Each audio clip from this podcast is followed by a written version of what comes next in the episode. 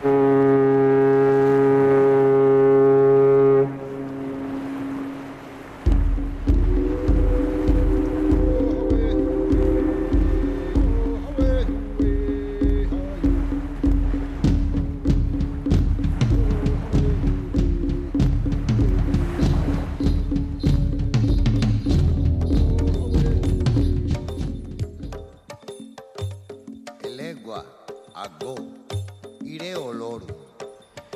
tal estáis? Bienvenidos a Levando Anclas. En la sintonía de Radio Euskadi estamos dispuestos a movernos por el mundo, a llegar hasta las antípodas y más allá, hasta ciudades legendarias, algunas perdidas entre la vegetación y la historia. Además vamos a recuperar una entrevista que hicimos a Isabel Corral en la fiesta que tuvimos en marzo de 2004, conmemorando por aquel entonces los 20 años de Levando Anclas.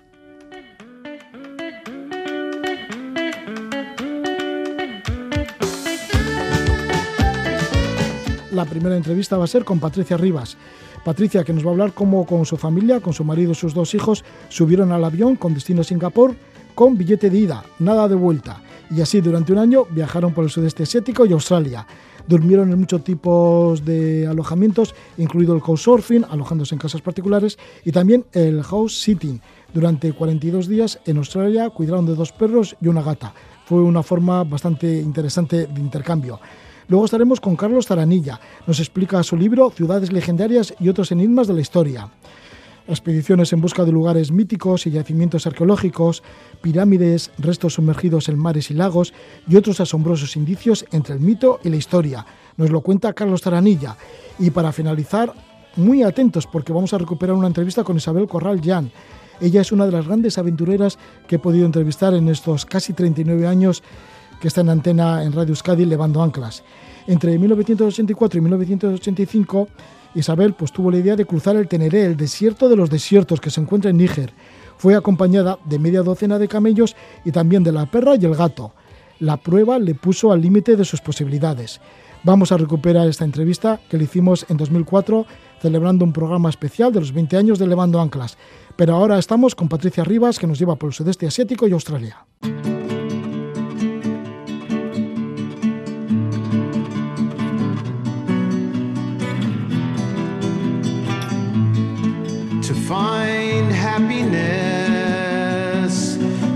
Must always seek the warmth in every sun.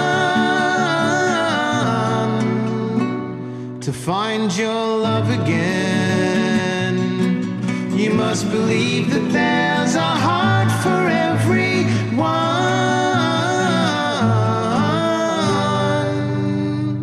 And if you're sad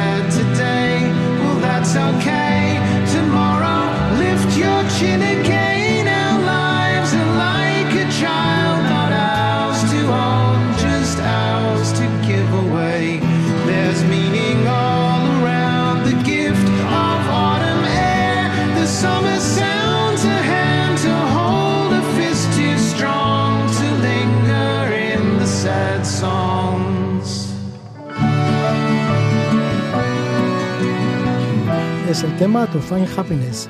Encontré la felicidad. Lo hace el cantante australiano Josh Pike. Y vamos a tocar Australia y otros países a través de Patricia Rivas. Patricia Rivas, junto con su compañero Jaume Poc, con sus dos hijos, Alge, que tenía 17 meses cuando emprendió el viaje, y Maggie, 5 años y medio, se compraron un billete de ida a Singapur con la intención de viajar en familia por el sudeste asiático y también por Australia pidieron excedencia en el trabajo, vendieron el coche, también otras pertenencias, alquilaron la casa y al final han sido compensados con un año de un montón de experiencias, todo lleno, pleno de experiencias.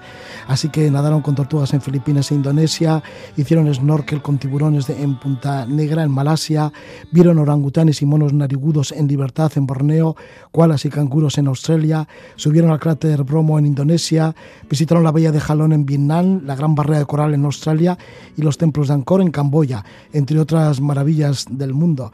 Ese año, pues como digo, lleno de experiencias. Y esto nos lo va a contar Patricia Rivas, a la que ya saludamos. Patricia, bienvenida, muy buenas noches. Hola Roge, ¿qué tal? ¿Cómo estás? Bueno, hemos nombrado algunas cosas, pero todavía muchas más, ¿no? Pues por ejemplo, eh, hiciste una parada en Kuala Lumpur, en la capital de Malasia, y hiciste un alto allí en el viaje y estuvisteis alquilando un apartamento, o sea que en algunos puntos, por ejemplo luego en Australia también, en algunos puntos sí que os quedabais bastante tiempo. Sí, porque al final es un viaje de un año, ¿no? Que es bastante largo y al final es como vivir viajando. Y, había momentos en los que necesitábamos parar para descansar un poquito del viaje y estar más tranquilos y asentarnos en algún lugar. Y sí que escogimos Kuala Lumpur en Malasia porque veníamos como de mucho tute de Tailandia y nos alquilamos un apartamento y estuvimos pues veintipico días en Kuala Lumpur como un poquito descansando del viaje. Sí, porque claro, al ir con niños y niños tan pequeñitos, pues sí que se necesita ir como mucho más lento y adaptándose sí. también a, a, a, su forma de, de ser, ¿no? A sus horarios se viaja más lento, pero también se viaja de otra forma y se viaja mejor porque te da tiempo a conocer más en profundidad los lugares en los que estás. Porque vas a hacer la compra, te vas al parque, nos conocíamos, todos los parques de, Kuala Lumpur y, viajas de otra forma, más parecido a, la forma en que viven los locales. Entonces, esto es una de las ventajas de viajar con niños también, que viajas más lento y como que conoces más en profundidad el lugar en el que estás. A la hora de preparar el viaje, y un viaje que en principio podía ser de un año, porque bueno, ibais un poco a ver lo que sucedía, ¿no? Pero bueno, finalmente por este tanto, que ha sido todo el año, bueno, al preparar el viaje y el equipaje, claro, porque tienes que contar con muchas cosas, ¿no? Con los pañales, con un montón sí. de temas que cuando viajas por tu cuenta y con mochila, pues fíjate, igual ni, ni vamos, ni existen. Claro, cuando viajas con niños, el equipaje aumenta. Lo que sí que intentábamos era viajar muy livianos de equipaje, porque claro, éramos dos adultos cargando el equipaje de cuatro personas, porque claro, los niños también llevan muchas cosas en, el, en las mochilas. Entonces, eh, sí que viajábamos ligeros de equipaje, pero aún así, claro, pues mmm, los pañales, el carrito, llevábamos cosas que cuando no viajas con niños, pues normalmente no llevas eh, en tu equipaje y eso se notaba, claro. Patricia, ¿ya ha sido así? ¿Que al principio salisteis a lo que pasaba y finalmente apurasteis todo el año? Nosotros nos fuimos con un billete de solo ida porque realmente no sabíamos eh, cómo nos íbamos a sentir en un viaje largo, eh, cuándo nos apetecería volver. Y entonces pues nos fuimos con un viaje de solo ida y dijimos, bueno, pues hasta que no, el dinero o las ganas se terminen. Entonces, eh, las ganas no se terminaron nunca y sí que cuando ya llevábamos un año volvimos, pero más que nada porque Maggi, que es nuestro hijo mayor, nos pidió pasar la Navidad en casa. Nosotros estábamos en Australia y ahí nos planteamos de, bueno, hacia dónde va nuestra última parte del viaje, ¿no? ¿Qué queremos hacer? ¿Hacia dónde queremos tirar? Y hablamos los cuatro, porque al final viajamos con niños, pero también los hacemos partícipes del viaje que puedan tomar decisiones como nosotros. Y dijimos, bueno, pues hay varias opciones, ¿qué hacemos? Entonces Maggi nos dijo, yo quiero pasar la Navidad en casa. Y ahí dijimos, pues creemos que ha, sido, que ha llegado el momento de volver. Y por eso volvimos en diciembre. Sí, pero antes sí que tenías mucha experiencia también como viajeros por vuestra cuenta, ¿no? Tanto Joma como tú, Patricia. Sí, nosotros habíamos hecho ya viajes largos. Yo había estado cuatro meses en India y Nepal. Jauma también había estado cuatro meses en India y Nepal, pero no era un viaje que habíamos hecho juntos. De hecho, no éramos ni pareja entonces, pero bueno, casualidades de la vida.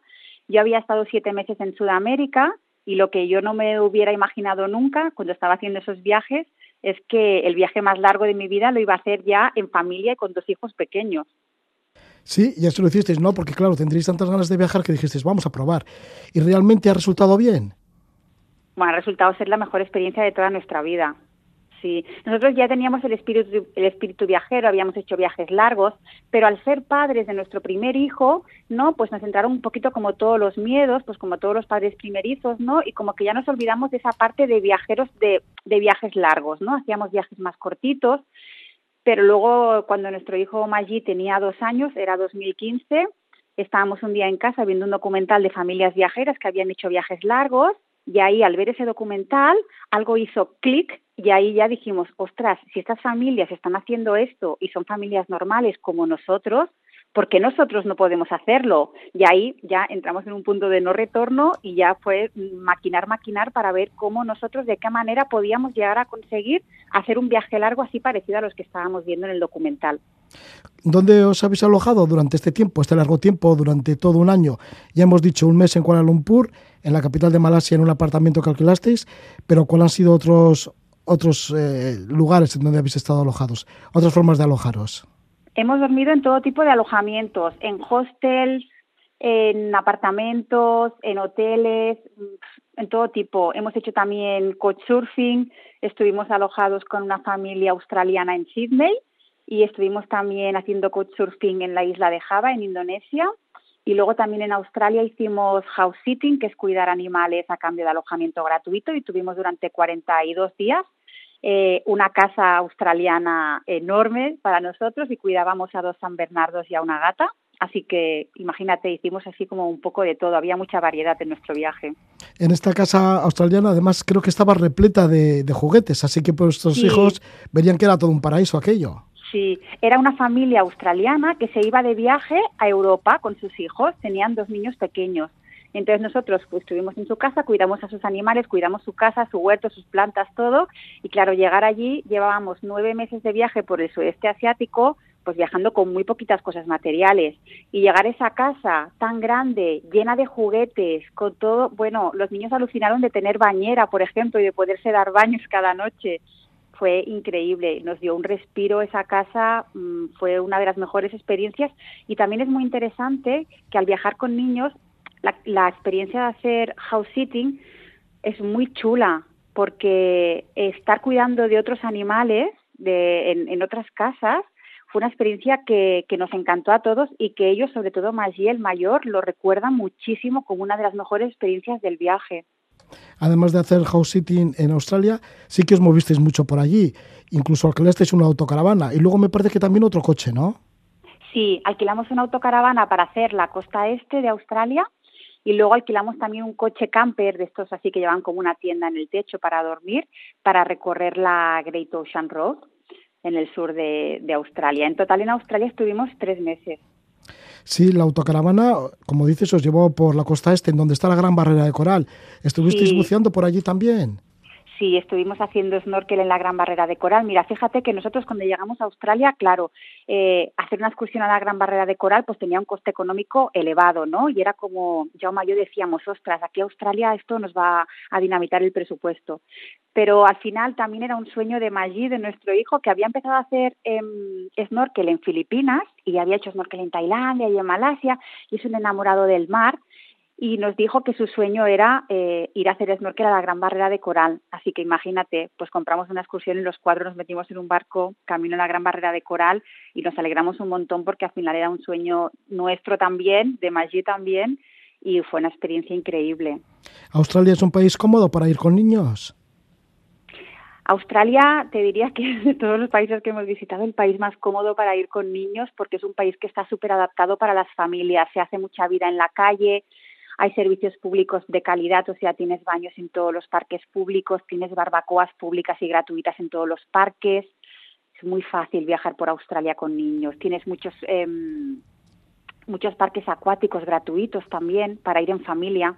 País que nos encantó. Sí, en este viaje en familia por el sudeste asiático y Australia, bueno, empezasteis por Singapur, luego Filipinas, Vietnam, Camboya, Tailandia, Malasia, Indonesia, Australia, para terminar en Hong Kong. Pero ¿cómo Sí. fue el principio en Singapur y Filipinas? Pues mira, lo único que llevábamos planificado era Singapur y Filipinas, porque en Singapur estuvimos cuatro días y luego de ahí ya volábamos a Filipinas, donde estuvimos 50 días. Y al principio del viaje fue muy emocionante, porque claro, habíamos como dejado todo, ¿no? Nuestra casa, nuestra familia, nuestros trabajos, nuestros amigos, y vivíamos como en plan vacaciones al principio, sobre todo. Y, y, Filipinas fue un país que no es fácil para viajar con niños, pero que nos enamoró por la calidad de su gente. No es fácil a nivel de infraestructura, porque tiene una infraestructura muy básica, pero que nos enamoró por su gente. Las islas que tiene Filipinas son una maravilla y es un país del que nos llevamos un recuerdo buenísimo. Sí, ahí buceasteis con tortugas, al igual también luego más tarde en Indonesia. Sí, sí, eso fue muy emocionante eh, hacer snorkel, tirarte de un barco y, y, nadar con tortugas marinas que están en libertad. Fue súper bonito. Una de las mejores cosas que hemos tenido en el viaje es que hemos podido observar muchos animales en libertad. Eso sí. ha sido un regalo. Claro, y para los niños más todavía, ¿no? Sí, sí, sí, porque nosotros no somos partidarios de ir a zoos ni ningún sitio donde estén los animales en cautividad. Y en el viaje, pues eso, hemos estado con tortugas en libertad, eh, hemos visto koalas, eh, canguros, wombats también en libertad en Australia. O sea, ha sido increíble la cantidad de animales que hemos visto y eso es un recuerdo que los niños se llevan para siempre. ¿Cómo ha sido el tema de los transportes locales, por ejemplo, en Vietnam? Pues nos hemos eh, hemos utilizado todo tipo de transportes, hemos ido en tren, hemos ido en autobús. Sí que es verdad que los trayectos muy muy largos, de más de 8 o 9 horas en autobús, priorizábamos hacerlos en avión, Pero claro, viajar con niños tan, tan, con niños tan pequeños se hacía un poco duro. Y, y, nada, pues los traslados, hemos hecho traslados interminables y el tráfico en Vietnam es una locura. Así que hemos hecho de, de, todo tipo. Sí, porque además Vietnam creo que lo habéis visitado en dos ocasiones en este viaje. Sí, volviendo de Filipinas, entramos por Ho Chi Minh, hicimos Vietnam de Vietnam Centro y Vietnam del Sur, pero nos quedó la parte de Vietnam del Norte porque ya tiramos para Camboya y nos había quedado como esa espinita, ¿no? De ir a la bahía de Jalón y de visitar Vietnam del Norte y sí que a la vuelta del viaje nos cuadró bien, encontramos un vuelo barato. Al final nosotros también nos movíamos mucho según el precio de los vuelos. No teníamos una ruta predefinida, así que queríamos viajar por delante del monzón para evitar época de lluvia, mosquitos, dengue, malaria y todas las enfermedades que conllevan los mosquitos. Y, y eso, pues al final del viaje encontramos un billete de avión económico que nos llevaba al norte de Vietnam y dijimos, pues venga, es momento de volver a Vietnam y visitar la parte que nos había quedado pendiente. ¿Cada día trazabais un plan para los niños? ¿Siempre tenían algo que hacer? Bueno, es que salir a la calle ya era algo que hacer. Entonces, sí que nosotros lo que hacíamos normalmente era como un objetivo por día, ¿no? Pues si queríamos visitar un templo, teníamos como objetivo para ese día ese templo. Porque claro, de camino al templo quizás te encontrabas un parque infantil, una zona de no sé qué, una heladería, podías encontrarte mil cosas. Y al final viajando con niños tienes que ser muy flexible y adaptarte mucho a su ritmo, a su ritmo de vida y, hacíamos eso, un objetivo por día y, y, muchos días, pues si no, si teníamos alojamientos, porque se estila mucho tener en los apartamentos del sudeste asiático piscinas comunitarias, en los edificios, pues si nos pasábamos un día entero en la piscina, nos pasábamos un día entero en la piscina. Y esto de hacer surfing, de que os hablan las puertas de sus casas gente particular, a una familia con dos niños, bueno, yo lo has dicho que ha sido en Java y en Sydney también. ¿Cómo, sí. ¿Cómo es así? Porque también participabais con otras familias que os acogían. Sí, la primera vez que hicimos couchsurfing fue en un viaje que hicimos a Irán y ahí pues nos, nos enamoró esa manera de, de, viajar. Y durante el viaje pues lo, lo, volvimos a poner en práctica y sí, en la isla de Java y en Sydney, por ejemplo, en Sydney estuvimos pues creo que cinco o seis noches con esa familia australiana y es una maravilla porque puedes intercambiar eh, con la otra cultura, eh, aprendes mucho de todas las cosas que te cuentan sobre su país y, y, es, y está muy bien poder convivir con, con otras familias. Y, y, las, dos, las dos familias que nos alojaron también tenían niños como nosotros. ¿Por qué resultó tan especial Malasia para vosotros? Malasia es un país que es muy completo porque tiene grandes ciudades, tiene selva, tiene Borneo, tiene islas paradisíacas como las Pergentian, como Capas. Entonces nos pareció un país que es fácil para viajar con niños porque está muy adaptado para las familias, que tiene para nosotros una de las mejores gastronomías del sudeste asiático. Se come muy bien porque hay comida de muchos países y de muchas culturas. Y nos parece un país súper completo. Nosotros estuvimos casi tres meses en Malasia por eso mismo, porque nos sentíamos muy a gusto y muy cómodos allí. ¿Cuál es el país de los que habéis visitado que los niños eh, son mejor acogidos o son más cercanos o son más eh, acogidos eso con más cariño y así? En general en el sudeste asiático eh, son muy muy bien acogidos en todos los países. No te podría decir uno por encima de otro. ¿Y esto abre puertas? Sí, muchísimas. Al contacto con la gente local, muchísimas. Los niños, además, uno de nuestros hijos, el pequeño, que era eh, era muy pequeño cuando empezó el viaje y es muy blanco de piel, es muy rubio, entonces llamaba mucho la atención y claro, pues todo el mundo se acercaba, todo el mundo quería cogerlo, quería tocarlo y eso te acerca mucho a las personas de, del país en el que estás. Patricia, ya has dicho que en Australia, pues entre otras, pues alquilasteis una autocaravana y recorristeis la costa este, estuvisteis en la Gran Barrera de Coral y también luego volasteis a Melbourne y alquilasteis un coche camper para conducir por la Great Ocean Road. ¿Qué sí. es este tramo de carretera? Porque deben ser 240 kilómetros que figuran dentro del Patrimonio Nacional de Australia. Sí, es una carretera escénica que tiene miradores y paisajes para pararte cada cinco minutos. Sí, es una carretera que podrías recorrer en un día solo, pero que nosotros la recorrimos en tres o cuatro porque tiene muchísimas paradas, tiene mucho nombre, es muy conocida y es que realmente los paisajes que tiene son increíbles. Es una carretera que bordea el mar y es, es preciosa la forma de vida de los australianos también os, llamó la atención. Digo que también es mmm, muy bueno para los niños porque me imagino que es una vida como más natural y con espacios muy amplios y demás. Sí, nosotros vimos que le daban mucha importancia a la naturaleza, que protegían mucho a la naturaleza y que vivían muy como de puertas afuera. La gente hacía muchos picnics en los parques, por eso había barbacoas gratuitas y públicas en todos los parques. Y nos gustó mucho la forma que tienen de vivir por eso, porque vimos como un, como que vivían muy de puertas afuera, pero siempre en contacto con la naturaleza y que respetaban mucho lo que tenían. Patricia, ¿nos puedes dar algún consejo más para el que quiera animarse a viajar en familia con niños pequeños por el mundo?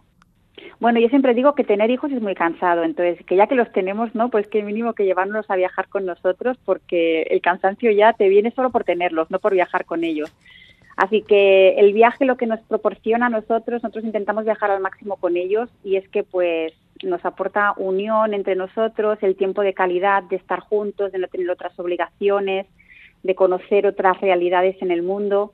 Así que yo animo a todo el mundo, ya sean viajes largos o cortos, porque los viajes largos también aportan muchísimos beneficios a los niños y a los adultos también. Así que animo a todo aquel que, que tenga hijos y, y, le guste viajar a que se anime a hacerlo con ellos, porque de verdad que la experiencia es increíble.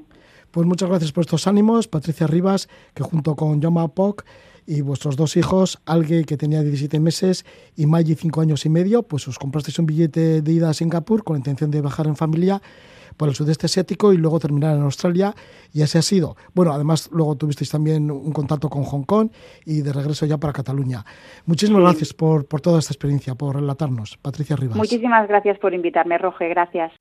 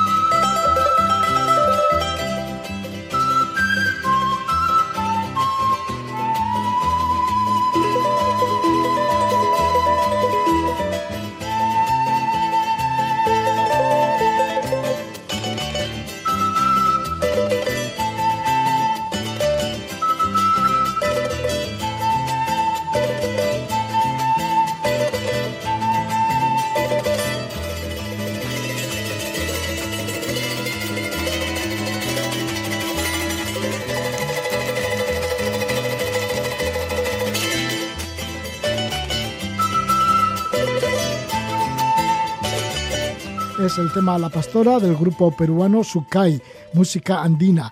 Y esto nos sirve para hablar de un libro que lleva el título de Ciudades legendarias y otros enigmas de la historia. Enseguida estamos con su autor, con Carlos Taranilla. Siglo tras siglo, el deseo de encontrar ciudades perdidas sigue moviendo a intrépidos exploradores a adentrarse en peligrosos terrenos en busca de vestigios que hagan realidad el mito. Carlos Taranilla publica este libro, Ciudades legendarias y otros enigmas de la historia, con su lectura pues nos transporta a Paititi, la ciudad perdida de los incas, también a Aztán, la cuna de los mexicas, la misteriosa ciudad Zeta, escondida en algún lugar de la jungla amazónica, las siempre llamativas Palenque y dentro del mundo maya, Petra, la ciudad escarbada en la piedra no muy lejos del Mar Muerto en Jordania, la misteriosa Camelot, Alesia, la última ciudad de la Galia. Y otras de las que da señales Carlos Taranilla en su libro de Ciudades Legendarias. Carlos Taranilla, que es natural de León, nació en el año 1956. Licenciado en Historia del Arte, ha ejercido como profesor de enseñanza media durante 35 años. Ha compaginado la actividad docente con la publicación de libros de arte e historia, así como de mitos, leyendas y misterios. Vamos a repasar con el autor algunas de estas ciudades legendarias. Carlos Taranilla, bienvenido, muy buenas noches. Hola, buenas noches, encantado de estar en el programa. Pues encantado de ello, Carlos. Pues fíjate, para empezar vamos, ya que estamos con música andina, a situarnos en el Titicaca, la ciudad sumergida. Eh, ahí está, entre Perú y Bolivia, una masa de agua dulce, que dicen que la, la masa de agua dulce navegable más elevada del planeta, ya que está a 3.812 metros de altitud, con una profundidad máxima de 281 metros. Todos estos datos se recogen en tu libro y resulta que parece ser que hubo una ciudad sumergida allí, en el lago Titicaca.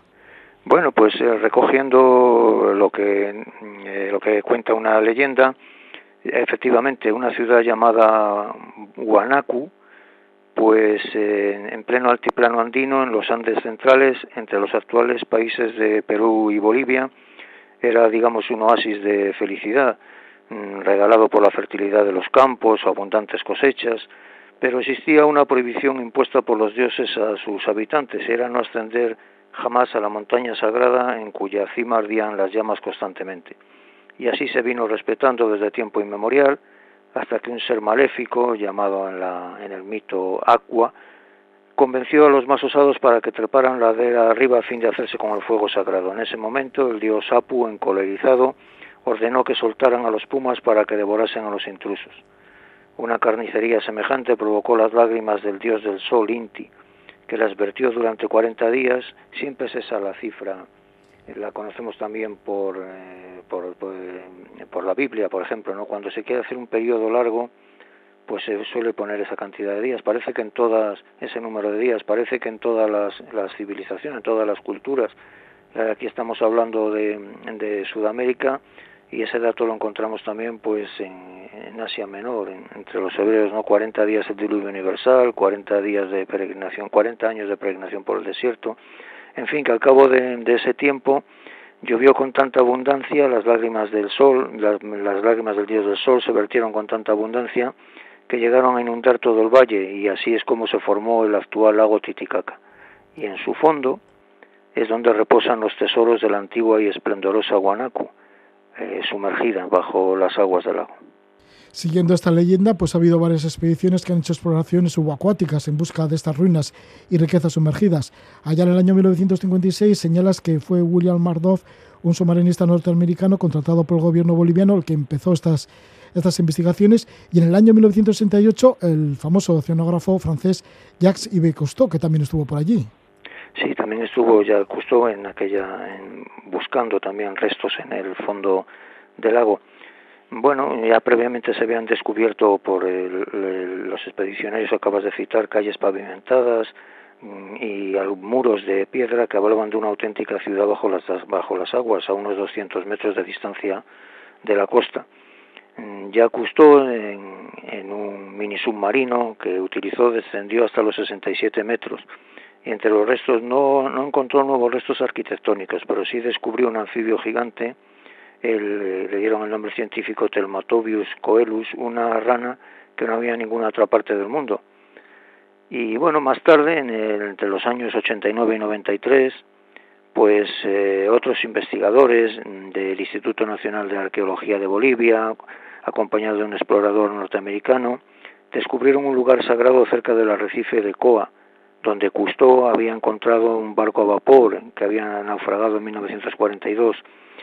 En agosto del año 2000, pues se llegaron a, conseguir también a localizar mm, descubrimientos también relevantes que probaban la existencia de civilizaciones asentadas en, en lo que en su tiempo eran tierras emergidas que la, el mito pues eh, nos, nos, acaba de decir que se habían sumergido. Eh, aparecieron eh, terrazas de cultivo escalonadas, un muro de contención de más de un kilómetro de longitud, piezas de carácter ritual como urnas, cabezas y otras esculturas con una antigüedad entre 1500 y 2000 años.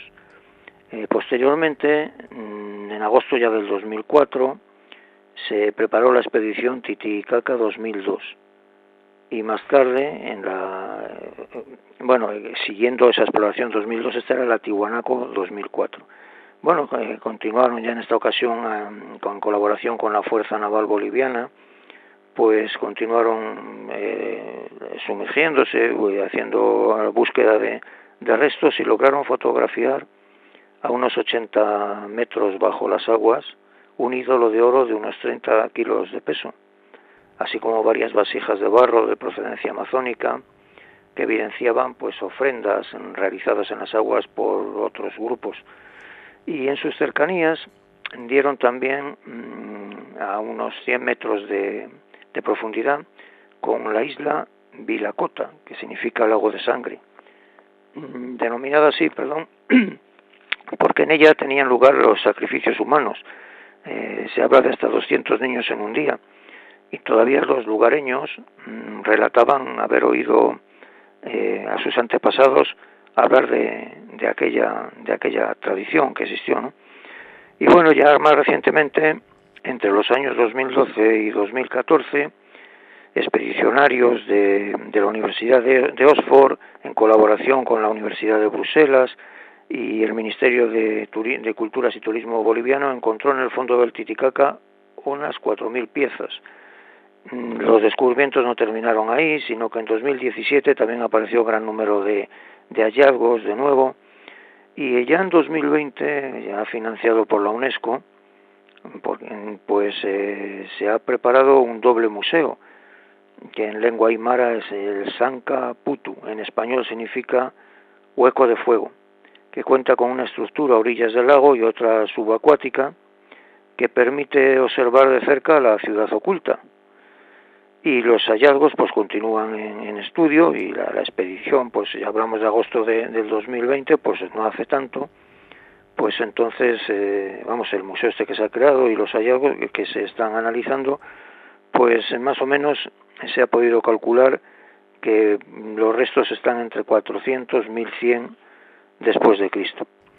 Pues es decir, que y se ha rodado también un documental en abril del 2018 que muestra el proceso de investigación bajo el agua que sí, que efectivamente existió una ciudad y que cuando, subió el nivel de las aguas del mar, por causas geológicas, claro, aunque los, el mito lo explique de aquella manera que, que comentamos al principio, pues hoy día está sumergida bajo las aguas del lago.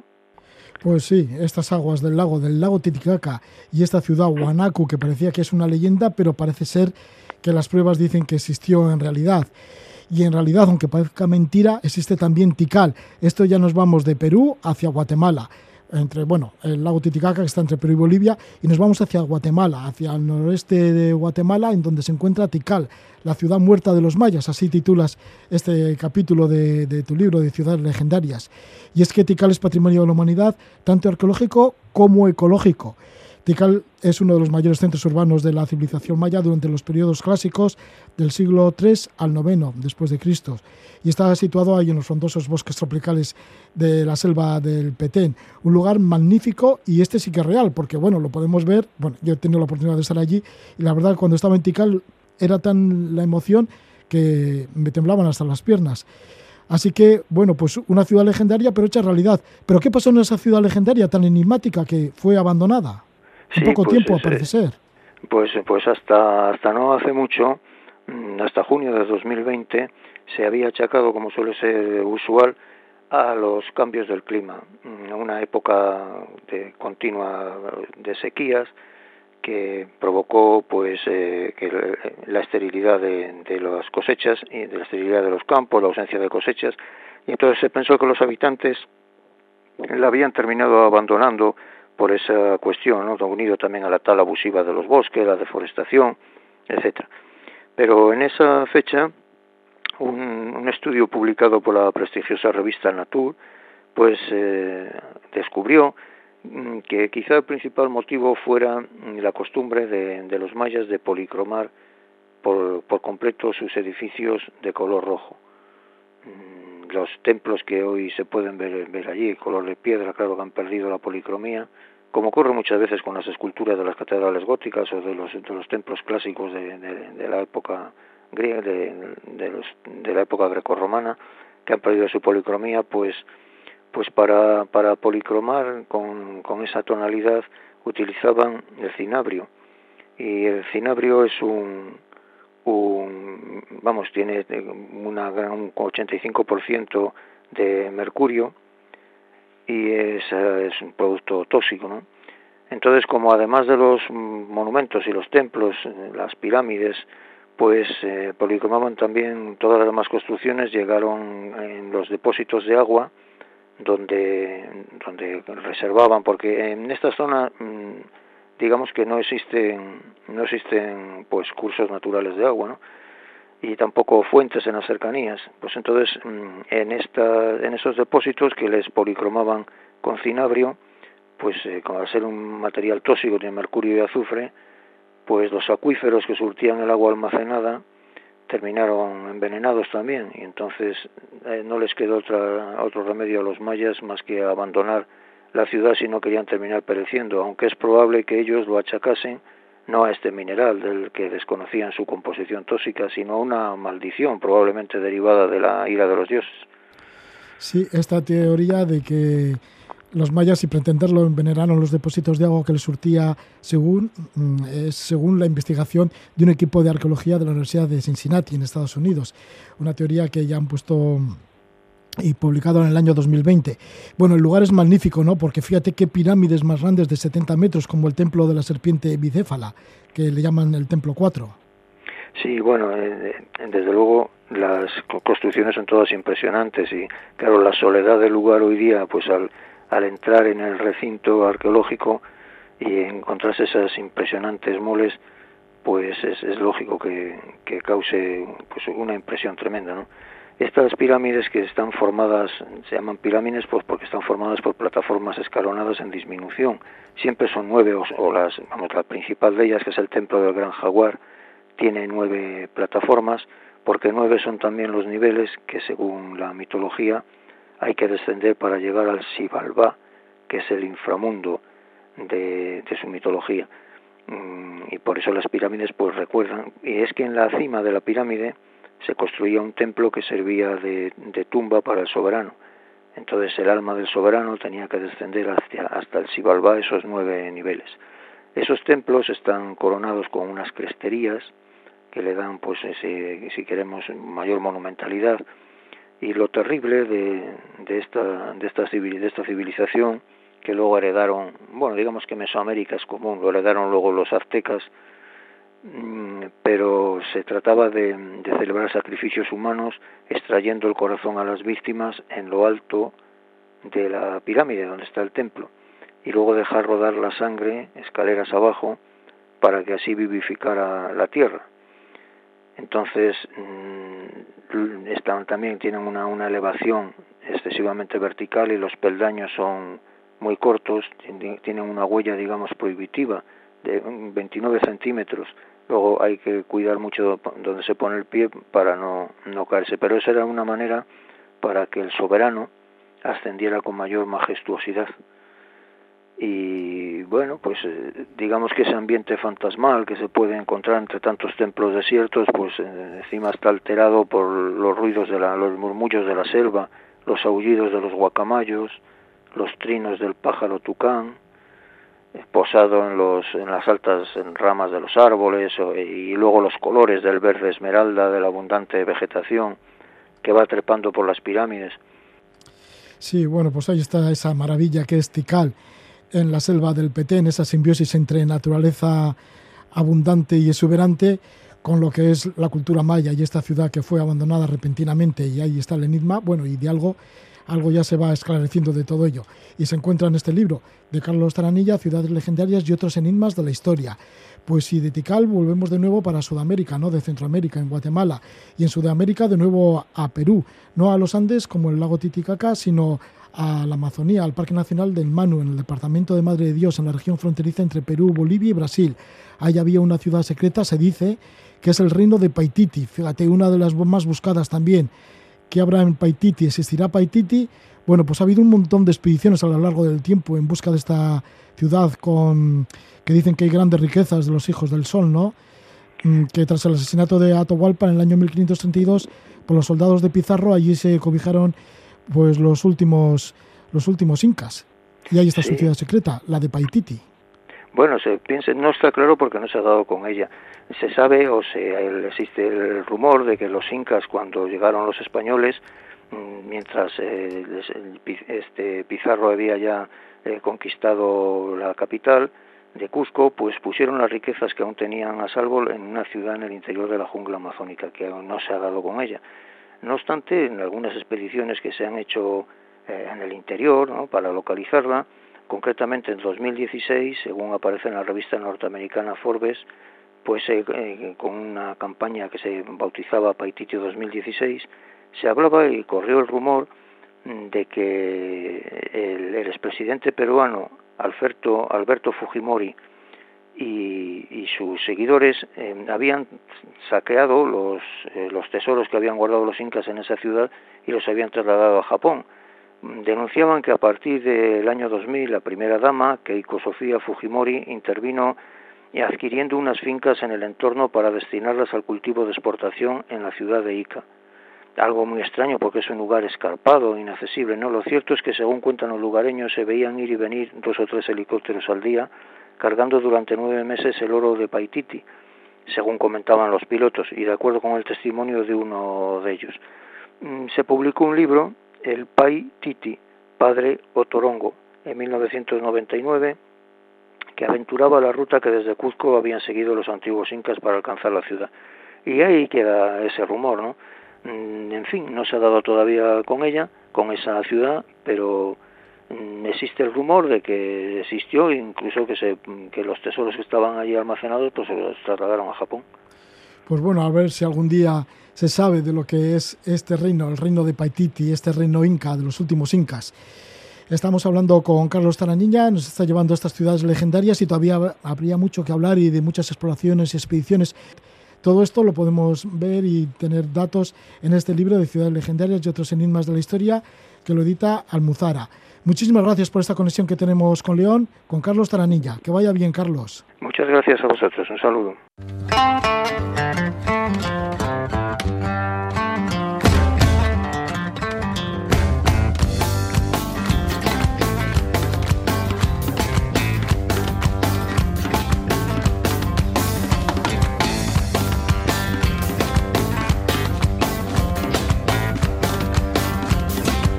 La música de Bombino desde Níger. Por primera vez en Levando Anclas vamos a recuperar una parte de la celebración de los 20 años de Levando Anclas. Fue el 25 de marzo de 2004 en el actual Ichas Museum.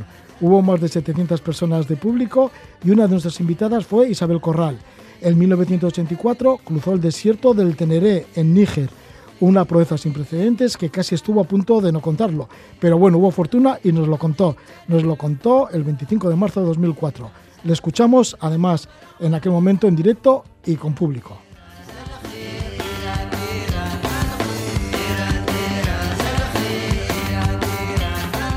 Y bueno, después de muchos años también me he reencontrado con Isabel Corral, que que allá por el año 1984-1985 era como una mujer legendaria, no una, una madrileña que se encontraba en el desierto, que convivía con los, con los propios tuarés, que era una más entre los tuarés y que además cruzó el Teneré, el desierto de los desiertos.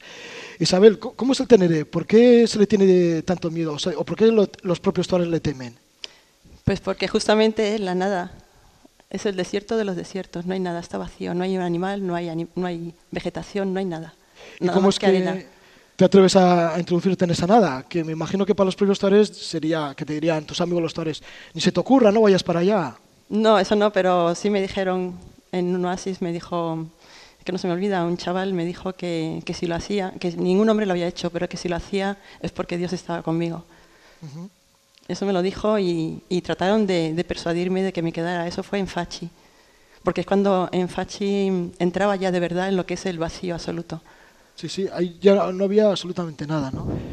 Y la llanura inmensa. La llanura es inmensa. ¿Y por qué lo hiciste en solitario? Pues porque yo creo que al final... Me imagino porque nadie se atrevía a acompañarte, ¿no? No, primero no se me ha ocurrido preguntarle a nadie si quería venir. Bueno, sí, La verdad. Se me ocurrió mientras estaba trabajando. Y estaba trabajando en el hospital. Eras cooperante, eras ATS y trabajabas ahí en un hospital. En Níger. Sí. En territorio tuareg. Sí. Sí. Estaba en Tagua, en, en el hospital de Tagua. Entonces era el año de la sequía también tremenda, el año 83 al 85, que yo estuve trabajando de cooperante, y, entonces vi la oportunidad de que como estaba mm, muriéndose todo el ganado de los animales, pues pude comprarme camellos, que en épocas normales no habría podido porque son carísimos, pero estaban tirados de precio, porque estaban muriendo, no tenían nada que darles. Entonces, pues un amigo mío me enseñó, eh, vamos, yo le pedí que me enseñara, me enseñara también la lengua, eh, venía a darme clases todos los días de tamacheque y, y también me empezó a enseñar con los animales y a conocerlos, ir al mercado, fuimos al mercado y me enseñaba los que eran buenos, los que eran malos, las patas, cómo tenía que mirarlo.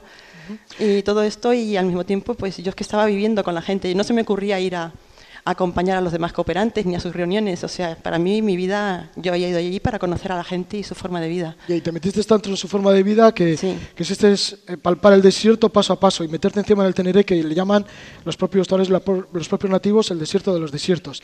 Bueno, Eh, total, porque ya el tiempo se nos está marchando. Eh, dos meses, dos meses caminando, sola, meses. con tus camellos. Sí, con la brújula y el reloj. Y Eso, los- ¿cómo te orientabas? Y mapas, mapas que estaban vacíos. Que Mapas para que- aquel entonces no había GPS ni nada, ni vía satélite ni nada. Tú con la brújula. y Yo la reloj. brújula, un cuaderno, un lápiz y, y mis mapas de, de los, hacía 20 años o 30 años de la época de la colonización. Entonces, muchas veces me encontraba con no solamente no tenía referencias, sino que encima eh, había cambiado el paisaje. Donde había dunas en el mapa ah, no aparecía ninguna. Y donde no había nada más que llanura, resulta que estaba plagado como un mar de pequeñas dunas, cordones interminables. Aquello me impresionó la primera vez mucho. ¿Y de dónde tomaba Oh, la Me dio tanto miedo que quise volverme atrás y no podía. Claro, igual era Porque no había volver camino, no había camino de vuelta, no quedaban ni mis huellas.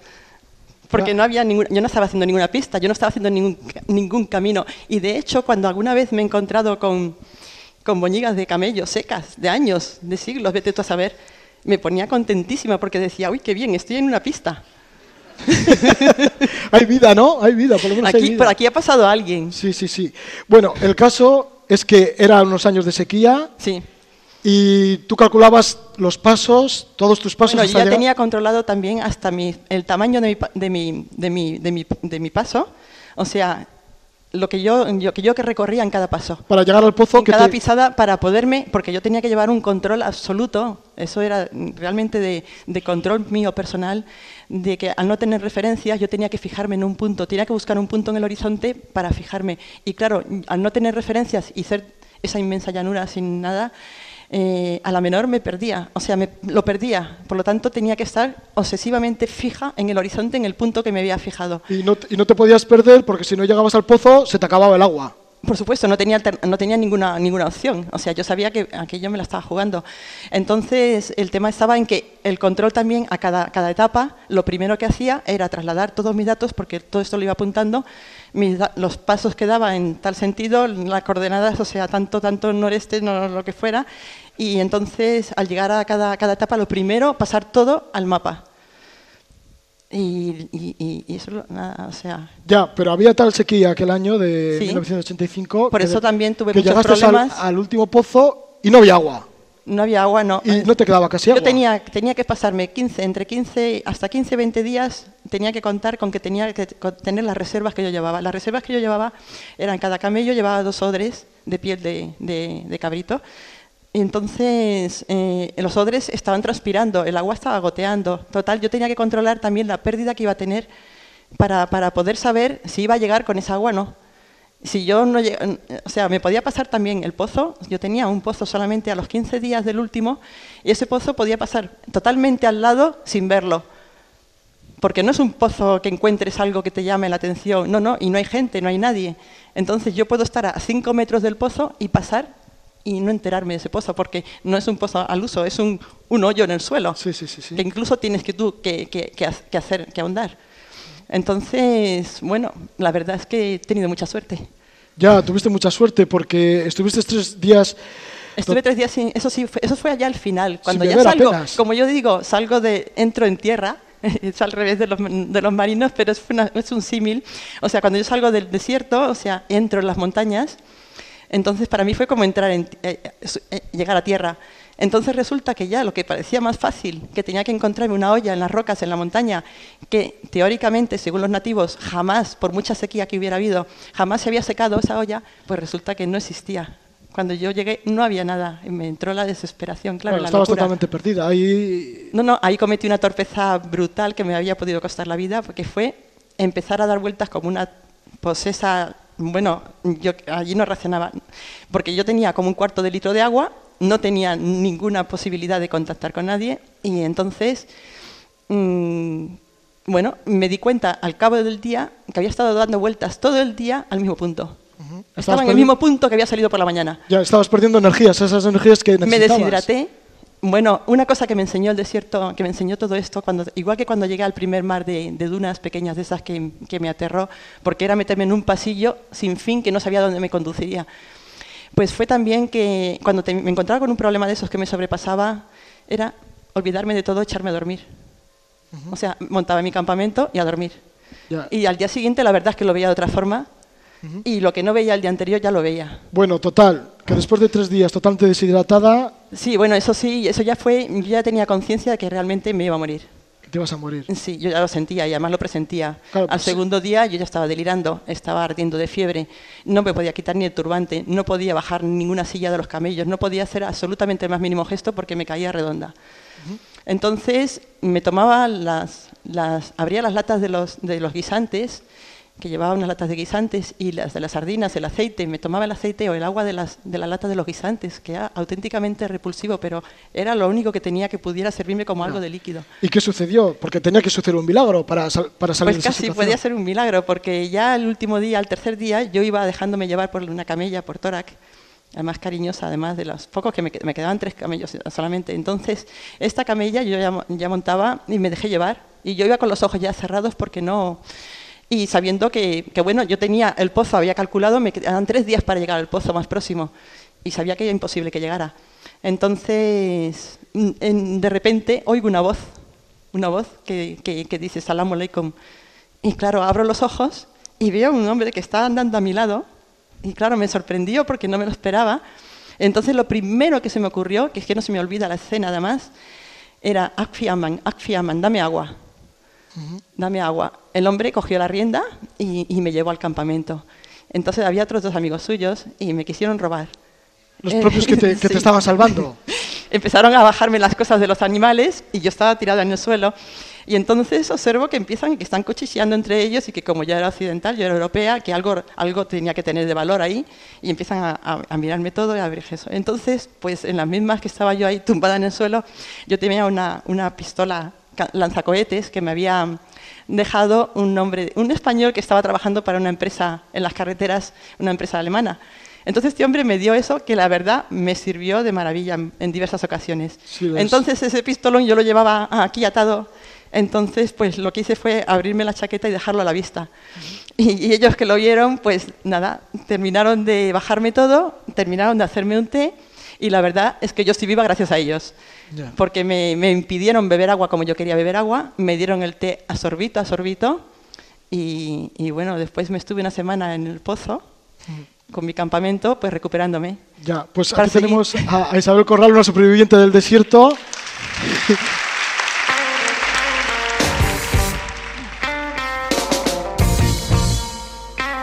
Hemos recuperado esta entrevista con Isabel Corral cuando hicimos el programa en directo en conmemoración de los 20 años de este, de este espacio de Levando Anclas aquí en Radio Euskadi. Fue el 25 de marzo de 2004, con mucho público en el actual Ichas Museum. Había como unas 700 personas y un gran ambiente. Bueno, pues con esta intervención de Isabel Corral en Levando Anclas allá por 2004 finalizamos esta nueva edición.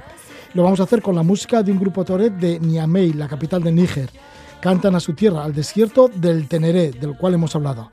Así que es la música de Toumastine. Con ella desearos que tengáis una buena semana. La aventura continúa. Dulces sueños.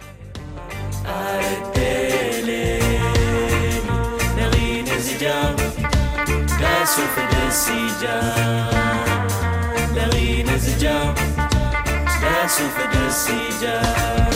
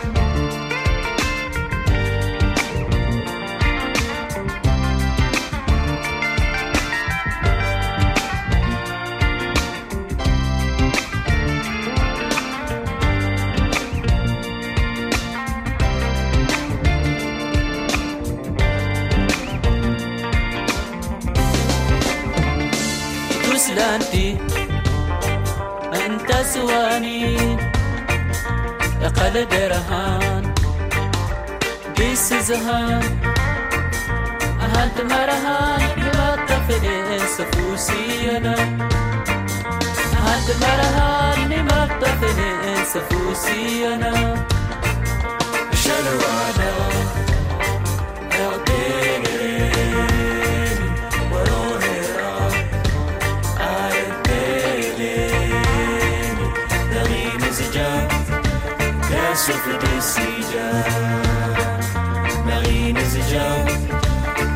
see for this.